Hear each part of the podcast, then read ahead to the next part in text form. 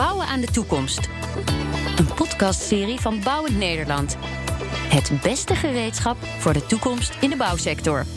Leuk dat je luistert naar deze Bouwend Nederland podcastserie. Bouwen aan de toekomst. Een podcastserie waarin we meer ontdekken over de bouwsector. De omzet van de bouwsector is in het derde kwartaal van 2018 met 9,9% gestegen, vergeleken met een jaar eerder. Dat meldt het Centraal Bureau voor de Statistiek op basis van cijfers over de bouw. In alle sectoren van de bouw steeg de omzet. De sterkste omzetgroei is te zien bij kleine bouwbedrijven. Zij zagen hun omzet met bijna 12% stijgen ten opzichte van vorig jaar. Daarnaast meldt het CBS dat er voor het tweede kwartaal op rij minder vergunningen verleend zijn voor nieuwbouwwoningen.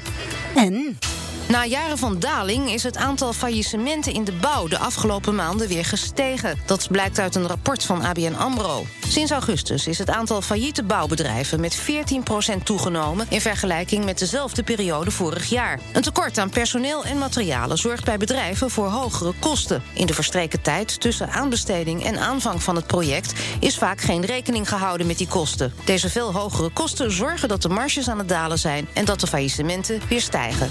Als ik deze twee nieuwsberichten hoor, dan denk ik: hoe kan dat nou? De bouw is booming, maar toch hebben veel bouwbedrijven het moeilijk. Nou, en precies daarover gaan we het in deze aflevering hebben. Ik ben Eline Ronner en je luistert naar een podcastserie van Bouwend Nederland, waarin we het hebben over de uitdagingen binnen de bouwsector. En tegenover mij zit Zamora Getrouw, eigenaar van Edit A en regiobestuurslid bij Bouwend Nederland.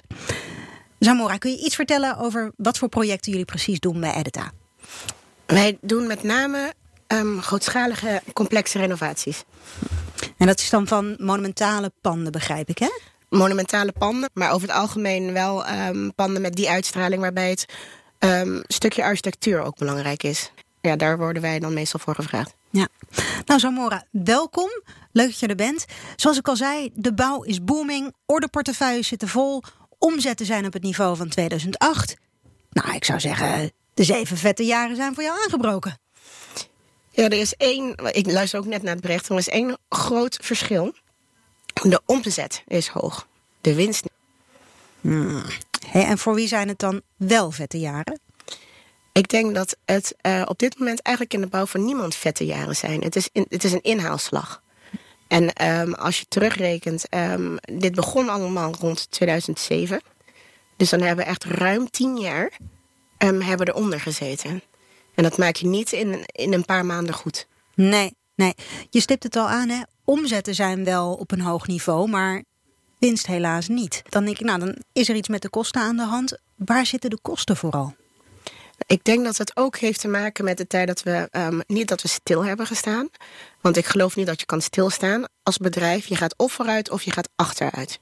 En dat is omdat de tijd doorgaat. Dus als jij niks doet en de tijd gaat door, dan ga je achteruit. In de bouw zijn we de afgelopen paar jaren met z'n allen um, eigenlijk achteruit gegaan, omdat we niet hebben geïnvesteerd. We hebben um, onze prijzen zo aangepast om te kunnen voldoen aan de vraag. De vraag uh, was laag, dus de prijzen zijn omlaag gegaan. En daarmee verlam je eigenlijk een beetje je, je bedrijfsvoering. Want als jij um, bereid bent om tegen kostprijs te gaan werken, of zelfs daaronder, dan heb jij geen mogelijkheid om te investeren. En als jij niet investeert in zoiets simpels als je voertuigen, in je gereedschappen, of je investeert niet in, uh, in cursussen. Je investeert niet in software. Je investeert niet in je mensen. Maar dus ook niet in een bedrijfsuitje. Als, je, als die dingen stil komen te staan, dan, dan ga je als bedrijf achteruit. Dan verlam je, je je bedrijfsvoering. En toen kwam deze vraag. Bij bedrijven die eigenlijk um, ja, die dit helemaal niet aankunnen. Nee, het, als, je, als ik het zo beluister, denk ik ja, de bouw heeft roofbouw op zichzelf moeten plegen. Ja. Ja. En dan kan je niet opeens inhalen. Dan kan je niet opeens de versnelling in. En dat is wel wat er van ons gevraagd wordt. En wat mij opviel, wat me, wat me eerst verbaasde, maar achteraf niet meer, is dat het juist de bedrijven zijn die het, het drukst hebben gehad de afgelopen periode. Dat zijn de bedrijven die eigenlijk de gunstigste prijzen hadden voor de klanten. Dat zijn degenen die nu als eerste gaan. Dat zijn de bedrijven die eigenlijk zichzelf niet hebben kunnen bemannen, niet kunnen um, voorbereiden op tegenslag of op wat dan ook. Het zijn juist degenen die ja, voordelig waren, die nu niks kunnen hebben. En dat is gewoon dus heel gevaarlijk geweest. Als jij je prijs aanpast aan de vraag in plaats van aan wat je nodig hebt. Ja, ja. Ik hoor je zeggen, de, de marges waren zo dun, eigenlijk heeft niemand kunnen investeren. Wat is eigenlijk de, de hoogste kostenpost binnen je bedrijfsvoering? Personeel. Ja, de, de bouw is wat dat dan gaat een hele ouderwetse. Uh, het wordt nog altijd gewoon met twee handen gemaakt. Herken je dat ook in je eigen onderneming? Heb je ook, ook gewoon moeite om, uh, om aan personeel te komen? Nou, om aan personeel te komen, uh, niet omdat we hebben heel even nog ook zo'n opleving gehad. Dat was toen de 6%-regeling ging ophouden. Toen begon iedereen ook opeens heel veel opdrachten uit te schrijven. Toen hebben we gemerkt wat, hoe gevaarlijk het is om in die tijden te veel werk aan te nemen. Dus we hebben eigenlijk heel bewust niet te veel aangenomen om te kunnen zorgen dat je kwaliteit hoog blijft. Wij passen onze ja, opdrachten aan aan het personeel dat we hebben. Dus wij doen hem eigenlijk omgekeerd. Um, en we zijn zelf personeel gaan opleiden omdat, ja, ze waren er niet. Is het ook aantrekkelijker geworden om mensen in dienst te nemen... in plaats van ze op ZZP-basis in te huren misschien? Nou, je ziet wel die tendens dat heel veel ZZP'ers terug willen komen... bij um, werkgevers in plaats van uh, dat ze het zelf moeten doen. En dat de werkgevers dat eigenlijk nog niet um, helemaal durven. Het is gevaarlijk eigenlijk. En de eisen van de um, ZZP'ers zijn ook behoorlijk hoog. Want die horen ook overal, er is tekort. Ik ben, ik ben uh, vakman, er is tekort aan vakmannen, dus ik kan vragen wat ik wil. Maar bedrijven die hebben gewoon nog zo uh, op hun netvlies staan... Um, hoe gevaarlijk het is om te veel kosten te hebben. Die durven dat ook nog niet aan. Nee, is dat terecht, denk je, die angst die er nog ingebakken zit in de sector om mensen aan te nemen? Ik denk dat het zeker terecht is. Je hebt um, voor iedereen die nu nog bezig is, dan ben je um, in deze sector, dan doe je dat echt omdat je van het vak houdt. Want het is zo aantrekkelijk is het niet geweest. Ik heb zelf dat je ook denkt van ja, hè, um, is het de moeite? Dan denk ik ja, maar we zijn hier gewoon heel goed in. Dus waarom zouden we wat anders gaan doen? Maar je wilt niet het risico lopen dat je na al die jaren um, het volgehouden te hebben... nu een beslissing gaat maken die zorgt dat je toch omvalt. En als je inderdaad dan de berichten hoort van bedrijven die nu weer omvallen... dan denk je nee, we moeten nog steeds oppassen. Ja, en het, het, klinkt ook inderdaad heel erg uh, contra-intuïtief dat dat bedrijven die juist heel veel opdrachten aannemen, dat dat juist de bedrijven zijn waar, waar die het meeste ziet omvallen. Ja. Relatief gezien. Ja, dat is dus eigenlijk op het moment dat jij bereid bent om uh, in te leveren op wat je nodig hebt voor je bedrijfsvoering. Je hebt je kostprijs hè, waarvoor je het kan maken. En daarnaast heb je extra financiële middelen die je nodig hebt om je bedrijf overeind te houden. De bedrijven die dat hebben laten varen, ja, die, die, die redden het nu niet. Nee. Dus zo zie je hoe belangrijk het is om te zorgen dat je dus eigenlijk gewoon je prijs goed houdt. Om ook iets te kunnen bieden naast alleen wat de klant vraagt. Ja, zodat je kunt investeren in mensen, zodat je kunt investeren in middelen. Ja, in je, in je eigen bedrijf. Want wat mij wel opviel is dat de arbeidsproductiviteit in de sector juist wel weer echt flink is toegenomen. Echt met, met dubbele cijfers. Kan dat de kosten nog enigszins drukken? Maakt dat bedrijf ook wel wat gezonder? Nog niet we zitten zelf ook al te denken van hoe komt het, hoe, hoe, hoe krijg je dit kloppend. Um, maar we hebben een hele lange tijd hebben wij onze opdrachtgevers de prijs laten bepalen. Terwijl wij de professionals zijn. Want de enige die echt weet hoeveel iets kost, dat zijn wij. Maar uiteindelijk, um, de overheid die heeft een budget. Een overheid is natuurlijk een hele grote opdrachtgever. Um, die heeft heel veel gebouwen. Uh, infra, bijna alle infraopdrachten komen van de overheid. Die hebben gewoon een budget bepaald. En we hebben een budget en dit moet er dus kosten een projectontwikkelaar die kijkt... Uh, waarvoor kan ik dit gebouw later verkopen? Wat is de marge die ik wil hebben? Het verschil, nou, dat is wat de aannemer mag kosten. En een particulier die kijkt eigenlijk naar... Um, wat zijn mijn inkomen en die van mijn eventuele partner? Wat vraagt de bank aan hypotheek straks? En die gaat een berekening maken, wat kan ik per maand kwijt? En die bepaalt zo wat een gebouw mag kosten. Dat is de omgekeerde wereld. En wij zijn gaan proberen om daaraan te voldoen. Maar dit is helemaal niet hoe het hoort te zijn natuurlijk. Wij zijn degene die weten wat het kost. Maar we zijn het voor minder gaan doen. En het is nu heel moeilijk om dat te corrigeren. Vooral voor een heleboel op, uh, aannemers hebben vaste opdrachtgevers. En hoe, hoe zet je dat nu opeens om? Ja, we hebben het nu uh, de afgelopen tien jaar zo gedaan. Maar we hebben eigenlijk meer nodig. Ja, dus, dus je merkt gewoon dat dat klanten die draaien... hebben eigenlijk die duimschroef gewoon wat te ver aangedraaid... om een beetje in de terminologie te blijven. Ja. Maar uiteindelijk is natuurlijk de uiterste consequentie... dat een aannemer op de fles gaat uiteindelijk. Wie betaalt dan de rekening? Ja, daar zijn heel weinig mensen bij geholpen. Ja. Maar het is, ik heb het idee dat het besef er niet zo is. Dat dat ook echt is wat er gaande is. En op het moment als jij in een prijsonderhandeling op een gegeven moment met uh, 10% omlaag gaat. Dan gaan mensen ervan uit dat je 10% te hoog zat. Die hebben dan niet door dat je dan uh, misschien bereid bent om onder je kostprijs te gaan zitten om, om iets door te kunnen laten lopen. Omdat je vaste lasten die lopen ook door. En um, de compromissen die wij als sector hebben gedaan, die zijn niet inzichtelijk. Tenminste, dat, dat wordt niet gezien. Dat is mijn idee. Ja, en hoe komt dat, denk je? Als ik probeer uit te leggen aan mensen wat iets kost, dan het wordt heel veel gezien als een uh, kostprijs plus arbeid wat wij verkopen. Ik heb gezien dat die tegels kosten dus en zo. Hoe lang ben je bezig met montage? Dus dan mag het dat kosten. En wat er allemaal omheen zit om dat te organiseren... en om die tegels überhaupt daar te krijgen... Um, dat wordt niet gezien. De hele eh, mengelmoes dat erachter zit, eigenlijk wat wij doen, ons werk... om het allemaal samen te brengen. Daar zit dus nog, best wel veel licht tussen. Tussen eh, wat je schetst, hè, dat eigenlijk de klant vaak gewoon heel simpel zegt... Denk, nou, materiaalkostprijs plus arbeidsloon is totaalprijs... Maar daar zit nog iets bij. En, en hoeveel is dat nou gemiddeld? Hoeveel zou ik er, welke markup zou ik moeten hanteren als ik nou ja, dat verschilt, dat verschilt natuurlijk heel erg. Dat heeft te maken met de schaal van het project, heeft te maken met nieuwbouw of renovatie, et cetera. Uh, nu heeft de EUB heeft, uh, heeft daar cijfers voor. Wat mogen opslagen zijn, wat mogen marges zijn. Uh, mensen schrikken daar heel erg van. En we hebben er ook een hele tijd bedacht, nou laten we deze, laten we maar niet noemen wat erbij komt, want ehm, dat gaan ze niet goed vinden. Het is ook het eerste wat mensen eruit onderhandeld willen hebben. Dus dan krijg je dat je of die kosten ergens anders weg probeert te stoppen, want je hebt ze toch nodig. Nou ja, en dan ga je dus eigenlijk zelf de transparantie uh, belemmeren. Terwijl als je heel transparant bent en je laat weten wat het kost, want het kan soms wel gewoon 24% zijn op een project. Jeetje. Dan willen mensen dat eraf hebben. Dus dan ga je, nou, dan gaan we het maar niet noemen. Maar dan, dan word je als, als sector weer minder transparant. Maar het zijn um, materialen komen ergens vandaan. Die moeten vervoerd worden, die moeten gehaald worden. Die moeten geleverd worden, die moeten als het op verdieping is... die moeten naar boven. Je hebt daar kranen voor nodig, je hebt daar vergunningen voor nodig. Personeel loopt in veiligheidskleding. Um, al dat soort dingen. Je kan eigenlijk niks daarvan, um, wil je op bezuinigen. Je kan niet zeggen van nou jongens, we gaan het nu zonder veiligheidsschoenen doen. Maar die, ik bedoel, jongens slijten een broek in een maand. Het, het zijn een heleboel dingen die bij elkaar komen. Die bussen die rijden ook niet uh, op water. En de hele bedrijfsvoering erachteraan. Mensen willen wel als ze bellen dat ze iemand een lijn krijgen. Die ze kunnen uitleggen hoe het zit. Er zit een hele werkvoorbereiding voor om alles op elkaar af te stemmen. En je moet klappen kunnen opvangen. Want als het ene uitloopt, moet het andere door. En nou ja, dat is waar wij eigenlijk de hele dag uh, mee bezig zijn. Om dat op elkaar af te stemmen. Om te zorgen dat de klant er geen last van heeft. Als wij gezegd hebben, we zijn dan, dan klaar. Wat er ook allemaal op ons pad komt, dan zijn we klaar. En om dat allemaal georganiseerd te krijgen, ja, daar is gewoon een heel team voor. Ja, nu je het me zo uitlegt, denk ik, ja, het is logisch dat, uh, dat materialen moeten, moeten er komen. Dat gaat niet vanzelf. Um, werklui moeten werkschoenen hebben. Je moet een verzekering hebben, werkvoorbereiding, calculator. Zeker.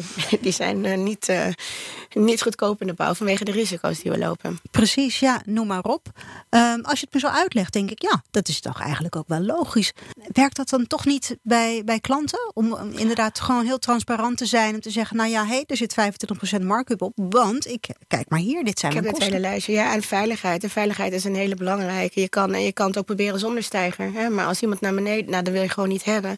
Het is, um, het is heel goed uit te leggen. Alleen als ze zien wat het kost, dan is dat, um, nou ja, wordt toch achter de oren gekrabbeld. En, en blijkbaar zijn er dan toch ook nog wel genoeg andere aannemers die dan inderdaad hun marge opofferen en zeggen: ja, we doen het zonder. Ja. We doen het zonder. En uh, nou ja, weg is de verdiencapaciteit. Maar uiteindelijk denk ik, ga je als klant aan het kortste eind trekken. Dat is achteraf. Ja, want uh, kun je mij schetsen wat er, uh, wat er gebeurt? Stel, ik, ik heb een verbouwing, ik huur een aannemer in en ik onderhandel zo scherp. Aannemer gaat halverwege op de fles. Wat dan? dan heb je, als je een aannemer hebt die um, goede verzekeringen heeft, dan zit je goed. Maar meestal heb je dat dan niet. Als je zo hard onderhandeld hebt, dan zijn er sommige aannemers die gewoon zeggen van, nou ik kan echt niet minder, dan vallen die af. En dan kom je eigenlijk altijd terecht bij diegenen die zeggen van, nou, ik kan het wel. Nou, die zijn dan, um, als ze daar niet voor verzekerd zijn, nou, dan ben jij dat als opdrachtgever dus ook niet. En dan kan je eigenlijk niks op dat moment. Je, kan hem, je mag hem ook niet gaan afmaken, want dan kom je ook nergens voor in, in um, in aanmerking. Je zou eigenlijk, er komt een heel proces dan om te kijken wat is de schade, wat is de status op dat moment. En totdat dat afgerond is, mag jij dan niks meer doen aan je verbouwing. Oh, dan ben je dus echt enorm in de ja, aap gelogeerd. Nou, ja, bij, bij, uh, ja, om het maar even netjes te zeggen. Nou ja, en dat gebeurt meestal niet. Dus het is um, als je aannemer halverwege failliet gaat, maar ook als je aannemer achteraf failliet gaat. Hè? Je hebt tien jaar garantie. Je wilt niet dat je aannemer failliet gaat. Nee, nee, precies. Hebben we hier als klant dan niet ook een verantwoordelijkheid? Nou, ik denk het wel. Maar dat, is, dat moet je maar net kunnen zien. En er zijn, ehm, er zijn opdrachtgevers die dat inzien. En er zijn sommigen die dat niet, niet inzien. En dat zijn de opdrachtgevers waar wij dan op een gegeven moment zeggen... nou dan helaas. Het is, um, ik heb nog nooit een opdrachtgever gehad, een particuliere opdrachtgever gehad die mij gevraagd heeft: ben jij verzekerd voor, um, voor het feit dat je met een, met een brander op mijn houtskeletbouwdak staat te branden? Dat ben ik wel, maar er zijn er een heleboel zijn dat niet. Gaat het mis? Gaat het echt goed mis? Hè? Ja. Maar het wordt niet gevraagd. Er wordt alleen onderhandeld over die prijs. En niet over wat daar allemaal bij zit. En ik leg er dus wel uit, want dit is onze verzekering. En dit betekent dat wij verzekerd zijn op de bouw, onze onderaannemers, maar jullie ook en jullie buren ook. Gaat het mis en het gaat bij je buren mis, dan is dat gedekt. Ja, dat zijn allemaal dingen die, die kosten. En dat zit in de marges. Ja, zou dat niet eigenlijk onderdeel moeten zijn van een standaardlijstje aan vragen die je zou moeten stellen aan je aannemer als opdrachtgever? Ik zou zeggen van wel, maar er zijn er zat die het niet doen. Nee, nee. Nee, precies. Dus eh, ja, dus ik hoor het al. We zouden eigenlijk een beetje af moeten van die focus op prijs, maar ook gewoon kijken wat, wat koop ik daarvoor. Nou, ik denk dat, het, dat mensen gewoon ook echt niet weten uh, dat het meer kost. Nee. We, we, hebben ook wel die marges eraf gehaald, hè? Dus mensen denken van, dus dan heb je ze niet nodig. Ja. Dat, dat is ook wel een hele logische gedachtegang. Ja, ja, inderdaad. Het, nou ja, wat je ook zegt over de brander. Als, als consument had ik er nog niet eens over nagedacht. Maar nu je het zegt, denk ik, ja, dit is ook eigenlijk wel heel erg logisch. Ja. Dus, ja, dus het zijn, het, zijn, het zijn van dat soort dingen die. Um, ja, en als wij het, als, als, als de ene aannemer doet, er is altijd eentje die het wel doet. Hey, nu heeft de leider van de klimaattafel voor de gebouwde omgeving, Diederik Samson, die heeft onlangs gezegd dat de kosten voor de bouw nog best wel wat omlaag kunnen. Ik voel hem al aankomen. Hier ben je het vast niet mee eens. Nou, ik ben heel erg benieuwd uh, waar hij dit op heeft gebaseerd. En ik heb een vermoeden dat dat puur gebaseerd is op het budget dat ervoor beschikbaar is. En dat is eigenlijk iets waar wij, um, ja, dat is wat ik net zeg, de omgekeerde wereld. Over uh, klimaattafels en dergelijke gesproken. Nu heeft, uh, zijn de plannen van Samsung in de prullenbak gegooid. Maar is er wat jou betreft wel een rol voor de overheid weggelegd om wel weer wat rust op deze markt terug te brengen? Nou, wat mij, als ik het mag zeggen, geïrriteerd heeft de afgelopen periode, is dat ik dat steeds hoorde. Het gaat goed in de bouw, het gaat goed in de bouw. En ik dacht van, um, van wie hebben jullie dat? Waar komt dat vandaan? De vraag is hoog. Omzet is gestegen en de winst is gedaald. Dus dat, dat is voor mij niet goed. Dus dan, um, dan vind ik dat de overheid zich beter moet laten informeren voordat er wat gezegd wordt. Daarnaast is er door de overheid ook al een enorme verantwoordelijkheid bij ons als bouwers neergelegd om te gaan verduurzamen. Om die uh, woningen te gaan bouwen die uh, ja, waar de vraag naar is. En er moeten een miljoen woningen bijgebouwd worden. Duurzaam, innovatief en op korte termijn. Bouwsector, verantwoordelijkheid ligt bij jullie.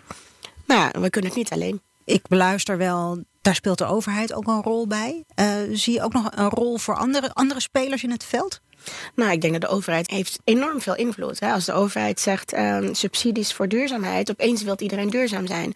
Ja, subsidies voor zonnepanelen, opeens wil iedereen zonnepanelen. Dus de overheid heeft daar heel erg een sturende hand in ja, die hebben daar gewoon een grote rol in. Maar dan moeten ze het wel willen en daarvoor moeten ze ook wel even luisteren uh, naar waar, waar de vraag zit, wat, er, wat, wat, wat de hiaten zijn. Mm -hmm. En gewoon zeggen: jullie moeten, um, ja, we willen, uh, maar we kunnen het niet zomaar. Ja, als je eens een dagje op die stoel van uh, meneer Wiebes zou mogen zitten, welke maatregel zou je meteen invoeren?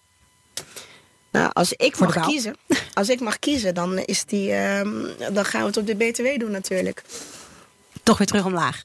Ja, maar ik, uh, want het moment dat. Ik, ik, heb het altijd raar gevonden op het moment dat hij weer omhoog ging. Ik dacht van, wat is er veranderd dat hij nu weer omhoog kan? Wat, hoe, waar komt dat vandaan? Het enige argument dat ik kon bedenken is dat, eh, ja, natuurlijk merkte de overheid het ook als, die, eh, als 6% in de bouw naar 21 gaat, want die omzet is zo hoog. Dus ik snap dat ze dat uh, missen. Maar als ik een offerte maak, dan ben ik, hè, je bent je post aan het opstellen. En denk van, oké, okay, nou dit valt mee, dit valt mee. En dan kom je in het einde en dan gaat die BTW eroverheen. En denk je, oh, en je weet al hoe die ontvangen wordt. ja, het is, maar het is ook in geen enkele andere ja. sector is het zo... Um, uh, zichtbaar als, uh, als in de bouw. En het is natuurlijk ook, het bijna voor iedereen is het duurste dat je bezit, is, uh, is je vastgoed. Dus het is, ook, het is ook een enorme post. Ik begrijp het ook. Het is ook veel geld. Ik zeg niet dat het niet veel geld is. Maar ik zeg ook niet dat het niet nodig is. Hey, nu heeft D66 in Limburg het volgende plan. Luister mee. Om het woningtekort tegen te gaan, moet de provincie Limburg via een provinciaal woonbedrijf leningen gaan verstrekken aan ontwikkelaars en beleggers. Dat staat in het verkiezingsprogramma van D66 in Limburg. De investeringen zouden vooral gericht moeten zijn op de bouw van huurwoningen in het middensegment. Daar is volgens hen de grootste behoefte aan op dit moment. Om te voldoen aan de vraag zouden er zeker duizend van dat soort woningen moeten worden bijgebouwd. Wat denk je? Gaat dit de sector helpen? Het, twee kanten. Aan de ene kant is dat natuurlijk, hè, op het moment dat het geld er niet is, dan kan het allemaal niet doorgaan. Er zijn nu al ontwikkelaars die, uh, die het over een bouwstop hebben. van nou ja, wij eh, wachten met onze plannen totdat, uh, totdat jullie normaal doen. En dan komen we alweer terug. Dus als daar, als daar een financiële boost is, dan gaat dat aan de ene kant zeker helpen. Aan de andere kant is het een lening.